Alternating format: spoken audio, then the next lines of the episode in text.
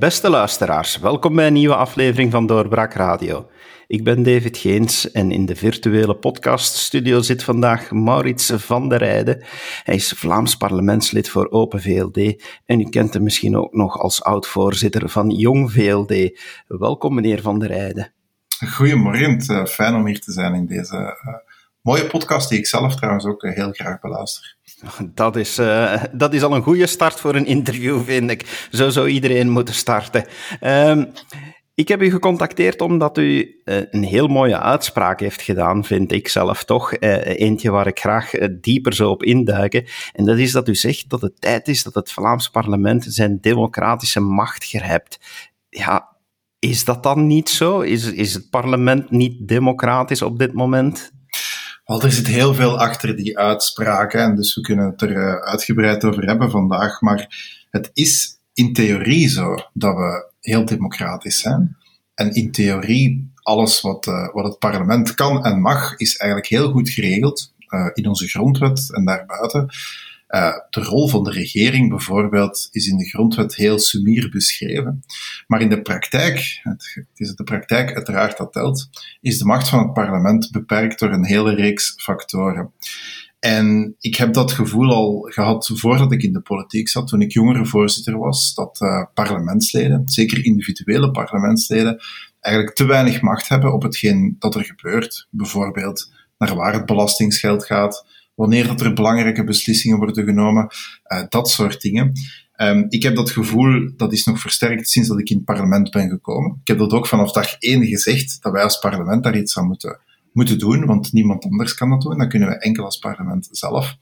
En nu, natuurlijk, tijdens het coronajaar is dat nog duizend malen versterkt geweest. Al de maatregelen die genomen zijn, ja, je ziet dat die systeemfouten die eigenlijk al voor corona in het systeem zaten, die, die gebrekkige democratische eh, macht of die, die, het gebrekkige gebruik ervan, dat die tijdens corona nog eens extra versterkt worden. En dat je dan eigenlijk allemaal beslissingen had die heel ingrijpend waren, die voor alle duidelijkheid ook wel nodig waren, of de meeste toch. Um, maar waar het parlement eigenlijk nooit heeft, heeft iets kunnen, kunnen zeggen of, of een uitspraak heeft over kunnen doen. Dus ik zit in het Vlaams parlement, dus dat is logisch dat ik als Vlaams parlement zit dat probeer te veranderen. Als je daar iets over zegt, dan krijg je bij collega's uh, vaak meewarige reacties van, oh ja, is dat nu wel nodig, et cetera. Ik vind dat wel, want ik vind dat we echt op lange termijn moeten zorgen dat de volledige macht uh, bij ons komt. Wij zijn de wetgevende macht. John Locke heeft dat ooit bedacht in zijn trias politicas. En ja, daar is eigenlijk weinig van overgebleven. De, de macht zit vooral bij partijen, bij de regering en bij administratie. En dat moeten we veranderen. U heeft dan waarschijnlijk ja, recent, zoals u zegt, door de coronacrisis een aantal zaken meegemaakt. Uh, ik, ik denk bijvoorbeeld aan het debat over scholen open, scholen toe. Uh, ja, ik zeg dan het debat, maar eigenlijk er is dan geen debat geweest. Hè? God, nee, en voor alle duidelijkheid, ik um, wil daar niemand voor stigmatiseren, want ik begrijp dat het tijdens deze crisisperiode heel moeilijk is geweest. Maar de beslissingen die genomen zijn, bijvoorbeeld over scholen, maar evengoed over jeugdactiviteiten. En als je naar het federale parlement gaat kijken, bijvoorbeeld ook over de avondklok, over, over heel veel dingen eigenlijk, ja, dat die beslissingen genomen zijn zonder het parlement daar eigenlijk in te erkennen in zijn rol, ja, dat is eigenlijk een gevolg van het feit dat het parlement al veel langer weinig op zijn strepen staat, staat en heel veel laat gebeuren zonder dat het eigenlijk zegt van, ja, maar beste regering, uh, nu mocht je op uw kop gaan staan, maar er gaat er niks meer gebeuren voordat wij alles kunnen goedkeuren. Dat is eigenlijk een gevolg van hoe dat wij al jarenlang, decennia lang eigenlijk in dit land uh, met het parlement omgaan. Wij geven eigenlijk heel veel macht aan de regering. En ja, tijdens corona zie je dat dat eigenlijk tot in het extreme kan, kan, uh, kan, kan uitge uitgebuit of kan, kan, kan leiden tot dat heel ingrijpende maatregelen genomen worden, zonder dat je als parlement iets, iets te zeggen hebt dan. Um, die scholen zijn natuurlijk een heel duidelijk voorbeeld. Het is natuurlijk ook wel een beetje pijnlijk uh, dat de minister Ben Wijts, voor wie ik trouwens heel veel respect heb, die ik een heel goede minister vind ook, dat die heeft aangekondigd dat die scholen niet gingen gesloten worden als er daar geen stemming voor zou zijn in het parlement. Dus dat zijn heel grote woorden die ik natuurlijk volledig ondersteun. Ja, en dan zie je dat hij uiteindelijk het toch niet doet. Um, omdat het gewoon niet in de genen zit. En wat ik dan heel frappant vond daarbij, dat was dat uiteindelijk het afstandsonderwijs, dat oorspronkelijk nog wel zou behouden bleven, gebleven zijn, dat dat dan ook werd stilgelegd, omdat de minister en dat was zijn letterlijke quote, daar een goed gesprek met de vakbonden over heeft gehad. Ja, als we dus in een staat leven waar een goed gesprek met de vakbonden tussen de regering en, en die vakbonden ja, meer macht en impact heeft dan het hele parlement samen, ja, dan zitten we echt wel met een democratisch probleem. En ik zeg het nogmaals, ik, ik, ik, ik begrijp dat dat in een crisistijd wel, ja, dat het makkelijk is om, om op die manier te opereren, dat beslissingen ook snel moeten gebeuren, maar ik vind dat geen voldoende excuus. En ik denk dat dit crisisjaar echt wel eens moet leiden tot een grondig debat van, ja, hoe kunnen wij onze rol versterken? Hoe kunnen wij ervoor zorgen dat wij echt het, het alfa en het omega van, van, van, die, van die politieke besluitvorming zijn? Want het gaat natuurlijk veel dieper dan enkel de scholen sluiten. Het gaat ook over het goed besteden van belastingsgeld, zorgen voor de juiste maatregelen, het verder laten verdwijnen van die vreselijke verzuiling die nog steeds in Vlaanderen rondwaart. En ja, ik ben natuurlijk, ik ben geen Vlaams nationalist, maar ik heb het wel, ik ben, ik ben wel gepassioneerd door Vlaanderen en ik wil dat Vlaanderen het, het beter doet dan, dan, dan we vroeger hebben gekend onder de unitaire staat. Ik wil niet al die bevoegdheden overhevelen om dan te ontdekken van, ja, we leven eigenlijk nog altijd in dezelfde wereld. Nee, ik wil het beter maken.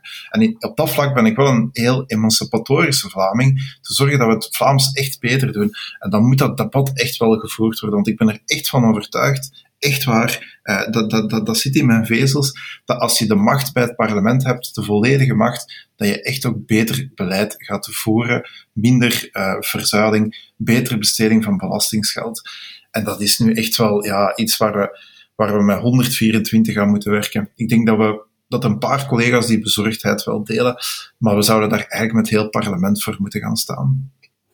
We moeten dit inderdaad loszien van de crisis, want dit is een fenomeen dat al langer bezig is. Maar ik vraag me dan af, ligt de macht echt zoveel meer bij de regering, of is de macht stilzwijgend veel meer bij de partijen komen te liggen? Is het probleem dat u beschrijft niet eigenlijk veel meer samen te vatten onder de term particratie? Het is een combinatie van de twee. Ik ga daar heel eerlijk over zijn. En het is mijn persoonlijke analyse, maar ik denk dat ze wel uh, strookt met de, met de realiteit. Uh, dat is dat je een samenspel hebt van, van de regering en partijen die uh, grotendeels de macht bestieren, zeg maar. Voor alle duidelijkheid, dat gaat niet over een of ander kwaadaardig complot. Die mensen die die macht beheersen, die zijn tot nu toe ook wel ja, uh, legitiem daarin. Ik bedoel, dat zijn geen mensen waar ik, waar ik schrik voor heb dat ze die macht hebben. Maar het systeem is er wel op geënt dat het vooral bij de partijen en, en de regering ligt. En als je me vraagt, ja, zijn de partijen dominant? Dan zou ik zeggen, het, het ligt eigenlijk bij de twee. Zowel de regering als de partijen, denk ik, dat, dat, dat, dat, een grote mate van de macht uh, in handen hebben. Uh, en en de, een versterkt het andere.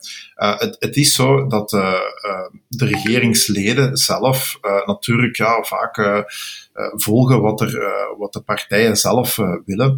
Uh, voor alle duidelijkheid, de parlementsleden hebben ook wel zeg in hun partijen, maar het wordt toch ja, nogal in ons land, we zijn een centralistisch uh, geregeerd land op vele vlakken, uh, wordt dat toch nog door de top genomen.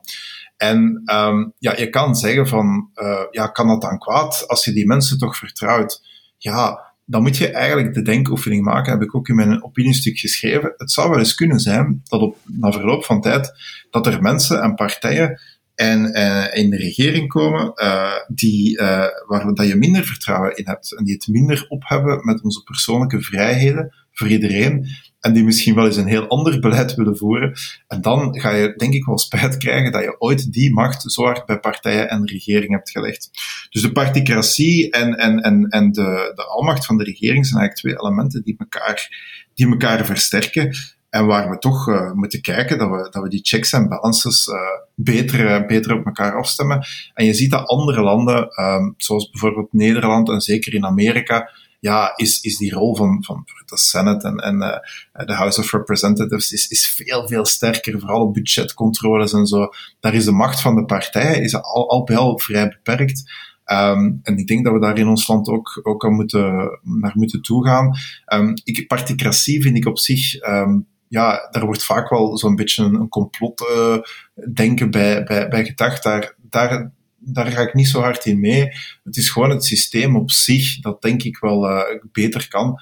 En dan kom je dus bij het feit dat die parlementsleden, waar ik dus één van de 124 ben, dat is moeten gaan afdwingen. Dat wij dat zelf eens gaan moeten zeggen van kijk, eh, partij en regering, we respecteren hun rol, maar wij zijn wel de baas en jullie niet.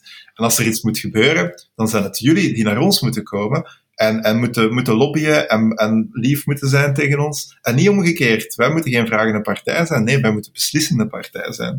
Uh, dat is de rol die ik, uh, die ik voor het parlement in de toekomst zie. Ik begon over die particratie omdat het iets is dat ik nog onlangs ook besproken heb in deze podcastreeks met een aantal onderzoekers. Mm. En dat we toen ook bezig waren over oplossingen. En dat een van de dingen die toen werd gezegd, en waar ik toch ook denk dat het, dat het mee te maken heeft, is dat er parlementsleden zijn, en ik wil niet veralgemeniseren, want ja, u bent dan al een uitzondering op de regel, maar er zijn veel parlementsleden die in de pas lopen, omdat hun verkiesbaarheid afhangt, wel, of heel sterk afhangt van de partij, omwille van het systeem, de, de, de lijststemmen, de lijstvorming. Is het daar dat het moet beginnen te veranderen om te gaan waarborgen dat parlementsleden terug onafhankelijker te werk kunnen gaan? Ik heb dat inderdaad ook beluisterd. Ik vond het een heel interessante aflevering, onder andere met de onderzoekster eh, van de Wallen. Um, ik snap hun punt. Nu, er zijn eigenlijk twee dingen dat ik daar wel wil bij opmerken. Het kan op zich geen kwaad dat je als parlementslid uh, je verenigt in een, in een partij, in een fractie, en dat je daar afspraken maakt. En dat je collegiaal bent over een aantal dingen. En dat je bijvoorbeeld ook met de meerderheid een aantal dingen afspreekt die je samen wilt uitvoeren. Want de politiek, hoe je draait of keert, ja, gaat ook niet over je eigenste uh, wil absoluut doorvoeren, ja, je moet daar ook een meerderheid voor vinden. Dat is ook democratie, een meerderheid zoeken. En uh, het feit dat je dan in een partij georganiseerd bent, uh, dat je met meerderheden werkt, um, en dat daar enige ja, abstractie moet gemaakt worden van je absolute diepste wil, wat jij absoluut zou willen, dat is op zich niet zo onlogisch. Dus als, als er wordt gezegd van parlementsleden moeten te veel in de pas lopen, ja, ik begrijp wel, ik heb daar ook zelf geen probleem mee af en toe wel, daar komen we misschien nog toe. Maar dat, dan is het wel zo, ja, dat je afspraken maakt, dat is logisch.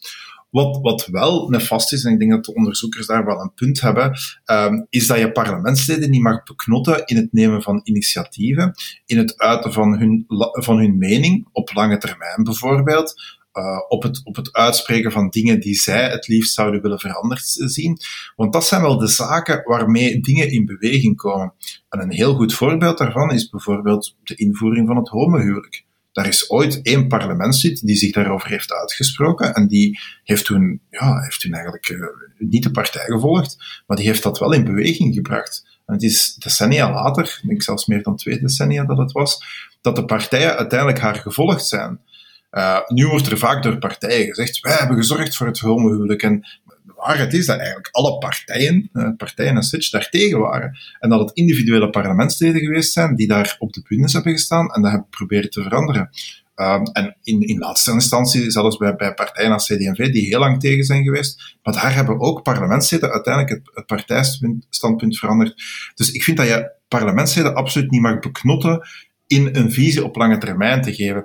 En ik denk dat partijen daar wel vaker een, een, een versmachtende rol in spelen, omdat ze bang zijn dat uh, als parlementsleden te veel een eigen mening volgen, te veel een eigen visie naar buiten brengen, dat dat het beeld van de partij as such gaat vertroebelen. En daar ben ik het absoluut niet mee akkoord. Ik denk dat dat trouwens het beeld van de partij zelfs versterkt, dat je mensen hebt die op lange termijn nadenken. En uiteraard moet dat passen binnen afspraken en, en een algemene visie waarvoor je staat, dat is logisch. Maar ik vind wel dat parlementsleden daar meer vrijheid zouden moeten verkrijgen om hun eigen ding daar te doen. En ja, uh, dat dat soms misschien niet uh, past binnen, binnen uh, bijvoorbeeld de mediastrategie, of, of dat het misschien op een ampetant moment is of zo. Ja, alle momenten zijn altijd ampetant als iemand iets wil brengen. Ja, dat vind ik dat, dat partijen meer moeten tolereren. En ik denk dat je dan ja, meer moet gaan naar, naar zeg maar ideologische blokken, zoals je bijvoorbeeld ook in Amerika hebt, waar parlementsleden en, en, en democratisch verkozenen toch een zekere vrijheid hebben om zelf te kiezen waarvoor ze staan en waarvoor ze ja, een boodschap willen brengen aan de kiezers. Het zijn uiteindelijk de mensen die, die, die voor parlementsleden hebben gestemd. Ik voel mij in het parlement, voel ik mij ook in de eerste plaats vertegenwoordiger voor mensen. En niet zozeer een vertegenwoordiger voor de partij. Alhoewel dat ik natuurlijk hou van mijn partij en dat ik afspraken nakom. Maar ik voel me echt vertegenwoordiger van mensen. En partijen kunnen daar nog niet voldoende mee om, denk ik. En in die zin denk ik wel dat die, dat die, ja, die, die, die versmachtende, uh, ik zou niet zeggen druk, maar, maar, maar leiding en, en uh, pas maar op dat je, dat je niks zegt uh, dat onze partij negatief kan, kan, kan, kan, ja, kan bekomen, dat dat wel eens kan, kan veranderen. het laatste wat ik daarover ga zeggen, is dat het, ja, het gaat ook vaak over heel putlittige, putlittige pitluttige dingen. Hè. Uh, als een parlementslid, ik, ik, heb er zelf ook ervaring mee, als je iets wilt brengen, ja, dan krijg je vaak zo, uh, ja, maar we hebben in het verleden ook dat en dat gedaan. Uh, dus partijen laten zich ook, ja, zien een schaduw vaak die, die, die voor de grote massa onbestaande is. Hè. En ik denk dat, dat, dat partijen zich daarmee zelf vaak een onnodige druk opleggen om vooral iets niet te doen of iets niet te zeggen, terwijl dat op lange termijn ook voor die partijen zou kunnen lonen. Dus in die zin denk ik ja, dat, dat de rol van parlementsleden vrij, veel vrijer zou moeten zijn. Wat niet wegneemt natuurlijk, ik, ik zeg ook niet dat iedereen zomaar alles moet zeggen wat, wat, wat bij hen opkomt. Dat is natuurlijk ook geen systeem. Je, je mag een zekere mate van, van organisatie hebben, dat is, dat is een feit. Ik kan het trouwens uh, vergelijken met een voetbalploeg waar dat je uh, samenspeelt, waar dat je elkaar passen geeft, waar dat je afspraken maakt, een tactiek. Maar daarbinnen zijn het nog altijd die voetballers die met de actie moeten komen, die met de intuïtie op het veld moeten komen, die, die het uiteindelijk gaan moeten doen. En als je als trainer, uh, en dat gebeurt in de politiek wel vaak, altijd gaat zeggen, ja, je moet hem met links aannemen, je moet hem met rechts aannemen, je moet nu schieten, je moet nu koppen, je moet nu dribbelen, je moet nu afgeven, ja, dan, gaan die, dan gaat zelfs Messi niet meer functioneren. Hè. En, en dat is denk ik wel een beetje het probleem van de politiek, dat de partijen te veel willen uh, uh, ja, controleren en dat werkt gewoon niet. Dat is een heel genuanceerd antwoord waar een aantal elementen in zitten die, die mij enorm hard opvallen.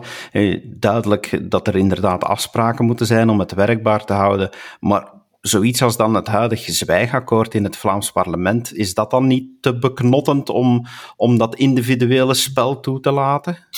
Goh, wel, over dat zwijgakkoord, daar, daar bestaan een aantal mythes rond, moet ik eerlijk zeggen. Ik ben, het zwijgakkoord is eigenlijk een slechte naam ook. Het is eigenlijk gewoon een afspraak dat je een beetje, als je een initiatief neemt, dat je samenwerkt met, uh, met, met de meerderheid. Dat is eigenlijk wat, wat dat akkoord wil zeggen. Het zwijgakkoord heeft een, geeft een beetje de indruk dat parlementsleden moeten zwijgen. En dat is op zich natuurlijk ook niet zo. Nu, ik ben persoonlijk voorstander dat, dat je, als je iets wil doen en je staat daar volledig achter en andere partijen in de meerderheid die willen daar om een of andere reden niet in meegaan, dat je zelf wel moet kunnen gaan. Dat akkoord, dat zegt eigenlijk gewoon, spreek een beetje af met je collega's, spreek een beetje af met de mensen waarmee dat je in de meerderheid zit.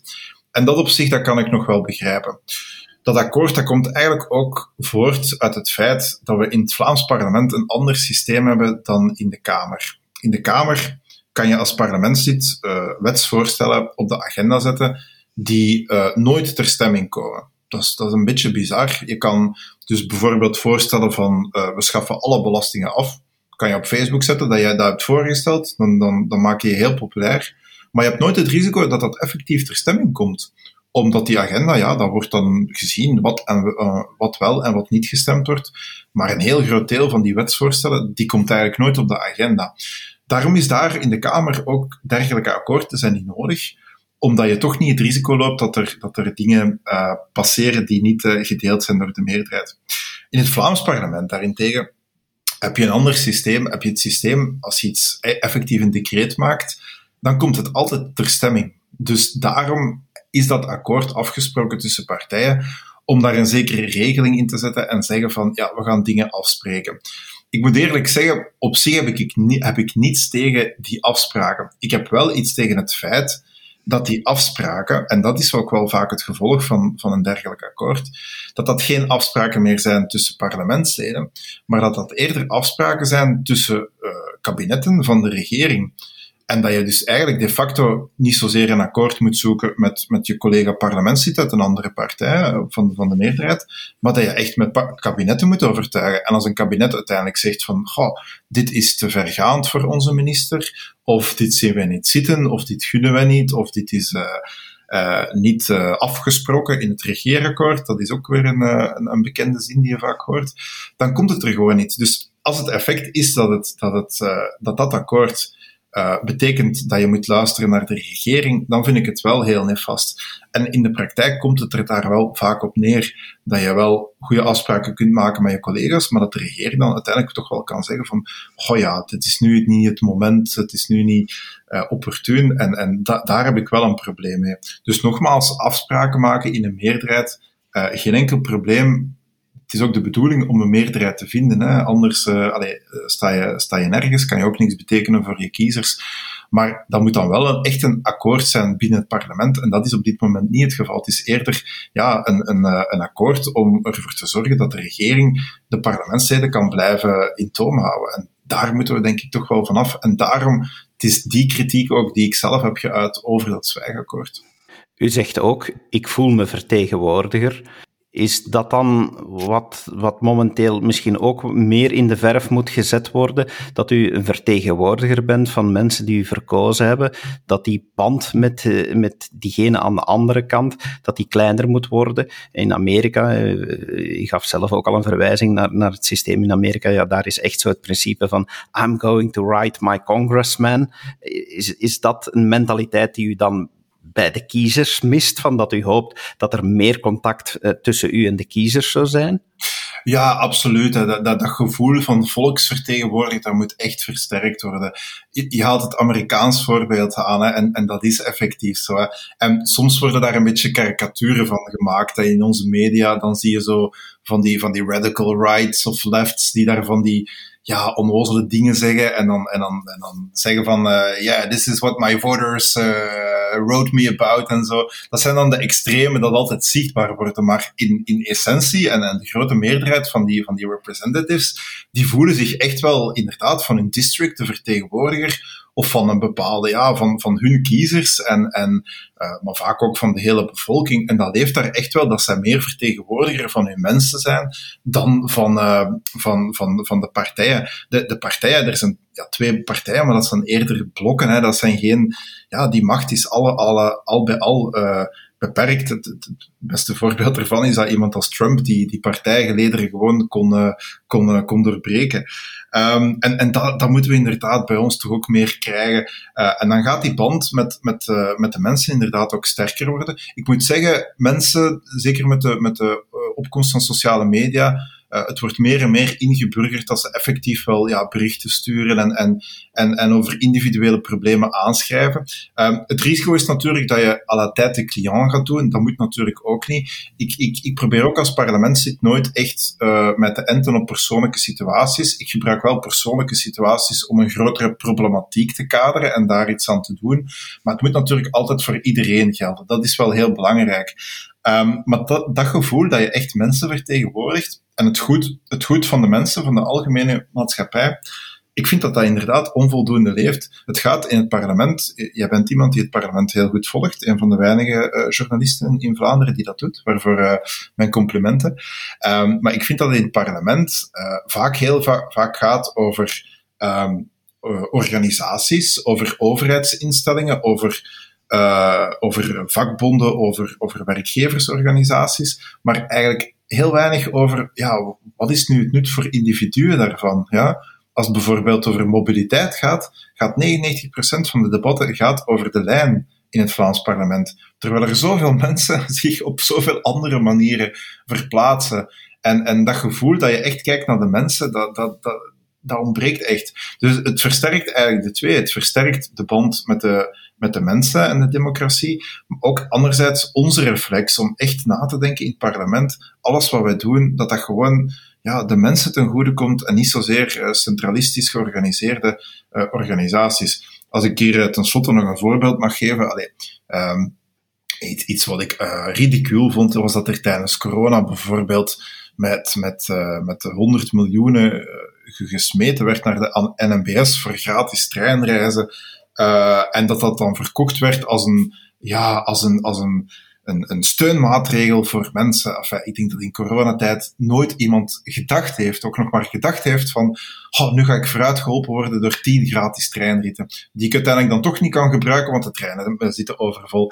Uh, dat is gewoon het centralistisch denken dat te veel in onze politiek zit, van heel veel steun te geven aan, aan centrale organisaties En ik, ik zeg het nogmaals, als we meer macht geven aan het parlement, dan kunnen we echt wel meer de gedachte krijgen voor, laat ons eens beleid voeren voor, het, de, voor de mensen, voor, voor het gros van de, van de bevolking, en niet zozeer voor belangenorganisaties hier en daar. Ik zou ook eens de rollen willen ronddraaien met, uh, met twee vragen. Eh, want uiteindelijk, wij als media, wij kijken altijd naar de parlementaire, wij kijken naar het parlementaire werk, uh, of toch waar mogelijk. Maar vindt u dan, dan omgekeerd dat de individuele initiatieven die, die genomen worden door u, door uw collega-parlementsleden, dat die voldoende aandacht krijgen in de media? Of, of, of zou de media daar beter op een andere manier naar kijken, volgens u? Uh, ik ga daar een heel ongenuanceerd antwoord geven, maar ik, ik, ik vind dat die situatie vreselijk is in de media, hoe dat de media met het parlement omgaat. Um, ik heb heel veel respect voor alle journalisten. Ik vind dat we heel goede journalisten hebben, die, die checken ook heel veel, die zien of dat het waar is, dat het relevant is. Dat vind ik echt, echt, echt super. Maar zoals je terecht zegt, de aandacht van, uh, van de mainstream media, ben blij te zeggen dat u daar misschien met uw podcast wel een uitzondering op bent. Maar de aandacht voor de mainstream media, voor wat parlementsleden doen, is echt uh, is, is, is absurd laag in, in, in, uh, in Vlaanderen. Ik spreek over Vlaanderen. Ik, ik, ik heb onvoldoende kijk eigenlijk op Waalse pers, heb ik de laatste tijd niet meer zo gevolgd. Uh, maar in Vlaanderen is hij echt ondermaats. Um, als je als Vlaams parlement zit um, en een interessant thema hebt waar je eigenlijk al lang over bezig bent, uh, dan kost het nog heel veel moeite om dat op een, uh, op een goede manier naar buiten te brengen. Um, ik, uh, ik verwijt journalisten daarvoor. Ik verwijt ze eigenlijk niet, niet specifiek iets. Ik moet eerlijk zeggen dat ik zelf eigenlijk ook wel redelijk veel aan bod kom in de mainstream media. Dus misschien dat ik daar niet de best geplaatst voor ben. Maar dan nog ja, moet je daar één, heel veel moeite voor doen. En twee, ja, als parlementslid wordt dan ook nog alles afgezet tegen wat de regering doet. Dus als ik bijvoorbeeld uh, al, al maanden interessant parlementair werk aan het doen ben, daar, daar een, een zinvolle, uh, nieuwswaardig bericht over heb, ja, dan komt dat misschien wel in de krant. Uh, om met veel geluk ook op tv, maar dan komen daar reacties van de minister bij en dan wordt daar in het heel klein bijgeschreven, ja, dat is uh, opgezocht door uh, parlementslid Van de Rijden. Dat is eigenlijk de manier waarop er met parlementsleden wordt omgesprongen in het land. En ik vind dat eigenlijk, ja, ik vind dat soms wel erg, omdat ik omdat ik wel vind dat er heel veel interessante dingen te rapen zijn in het parlement. En er is inderdaad gewoon te weinig aandacht voor. Uh, mainstream media zoekt heel veel naar herkenbaarheid. Zij willen mensen, koppen die mensen kennen. Zij willen quotes die mensen begrijpen. Zij willen onderwerpen waarvan ze weten mensen kunnen zich er iets bij voorstellen. En uh, ja, dat heeft als effect dat het parlementair werk inderdaad ondergewaardeerd wordt in de, in de, in de klassieke media. Um, ja, ik, ik, ik, ik, ik, zeg, allee, ieder doet zijn job, dus ik ga ook mensen daar niks voor verwijten, maar dat is dus wel mijn gevoel. Um, ik denk dat ik persoonlijk ook, ook veel interessanter werk doe dan, dan veel uh, politici die je dagelijks bijna op televisie ziet. Maar goed, um, dat is zoals het gaat. En ik ben daar voor alle duidelijkheid niet gefrustreerd over, maar ik vind wel, uh, als ik ook vaak journalisten uit de mainstream media hoor zeggen dat het parlement te weinig macht heeft en dat parlementsleden zich te weinig uh, ja, zich te veel laten doen, dan denk ik soms ook bij mezelf, ja, maar laat die mensen dan ook meer aan bod. Kijk wat parlementsleden doet. Uh, waarom moet je op praatprogramma's altijd dezelfde mensen uitnodigen? Waarom moet je 10.000 keer rectors uitnodigen? Waarom moet je uh, politici opvoeren die eigenlijk niks interessant te zeggen hebben, maar gewoon herkenbaar zijn voor een breed publiek? Haal daar dan ook die nieuwe mensen naartoe, als ze iets interessants te zeggen hebben. Hè? Want dat, dat is ook vaak een probleem, daar moeten we eerlijk over zijn. Ik denk dat uh, qua werkkracht het in het parlement ook beter kan, dat is ook zeker zo. Maar het is ook een taak van de media, als ze, als zij klagen over de onmacht van het parlement, ja, laat parlementsleden dan meer spreken. Uh, zorg ervoor dat parlementsleden die durven uitkomen voor iets, dat zij daar ook een forum voor krijgen.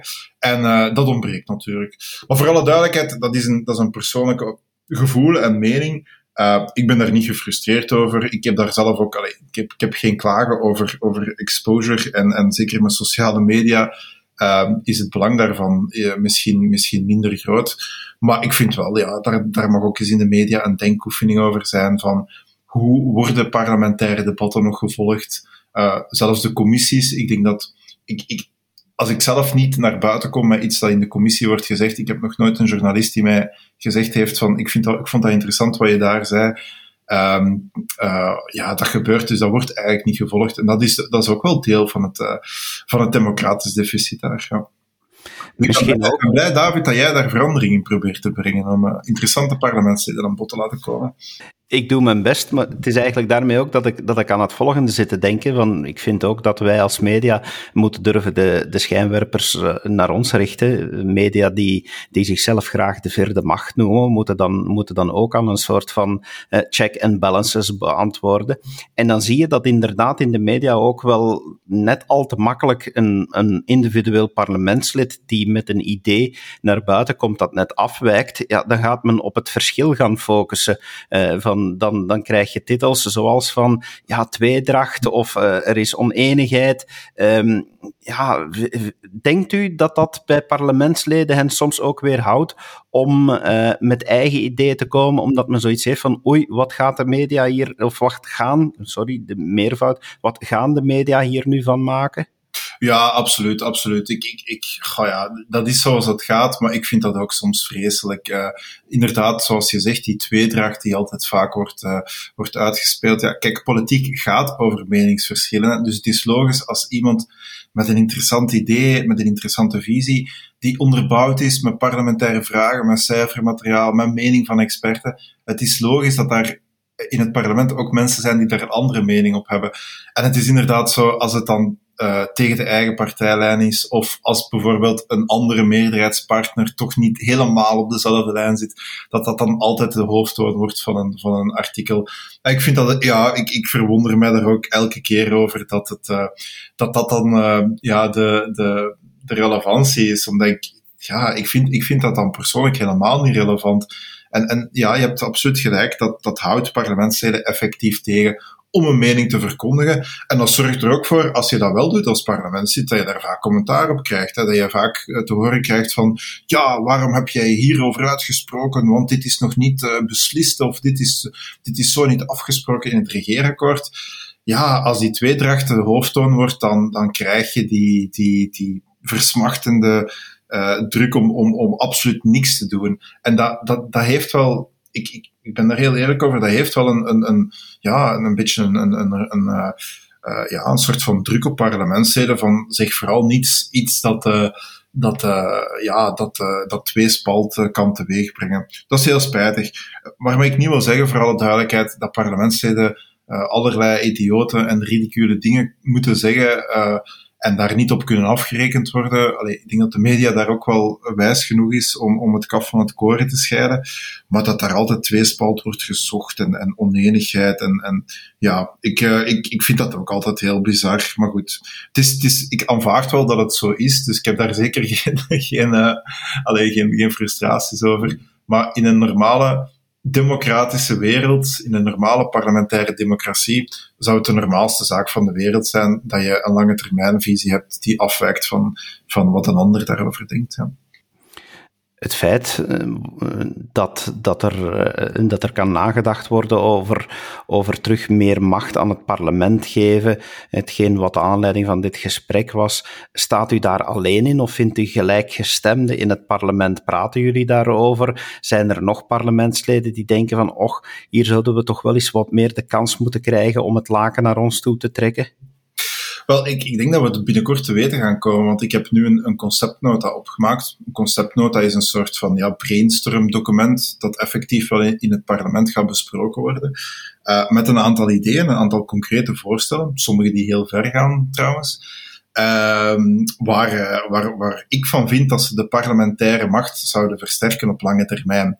En ik ga dan kunnen zien of dat die mening breed gedeeld wordt uh, of niet. Mijn gevoel is dat je bij elke fractie wel uh, een aantal, het zijn, zijn er niet zoveel, maar het zijn er wel een aantal, hebt die hetzelfde gevoel hebben als, als mij. Um, die daar ook wel iets aan willen doen.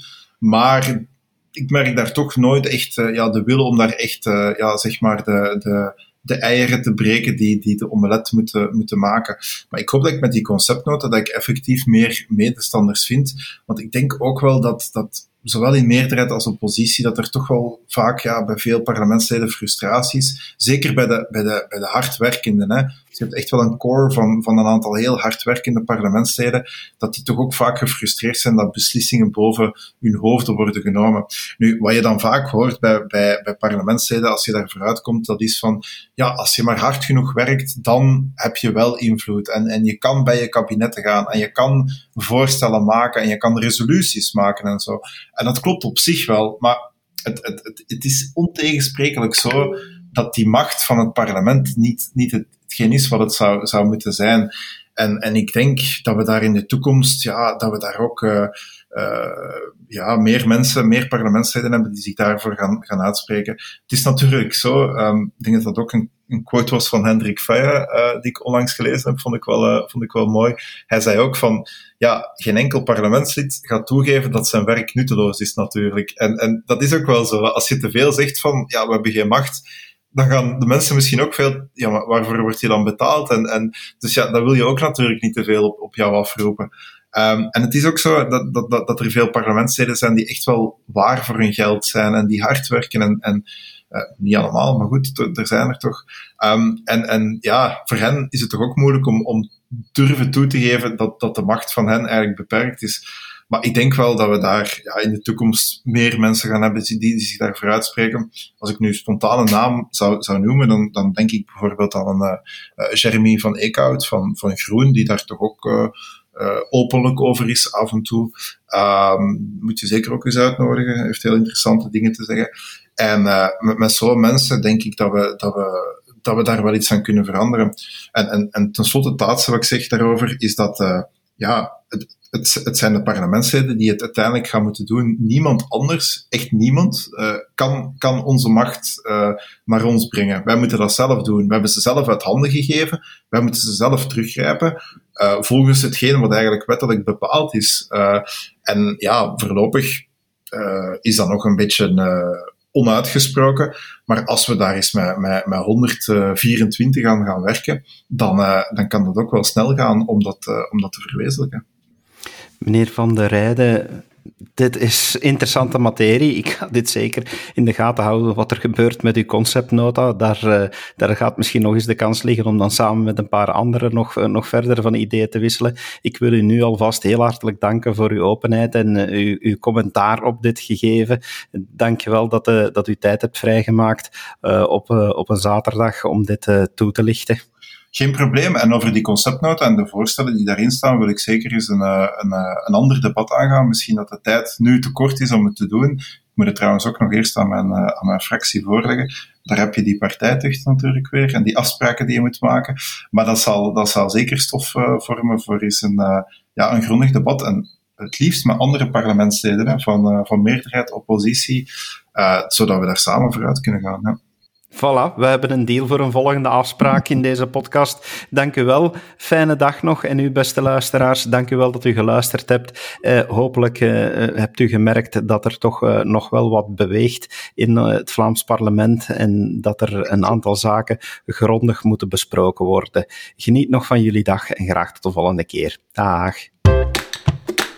Dit was een episode van Doorbraak Radio, de podcast van doorbraak.be. Volg onze podcast op doorbraak.be/slash radio of via Apple Podcasts, Overcast of Spotify. Bezoek ook onze website op doorbraak.be en steun ons door een vriend te worden van Doorbraak.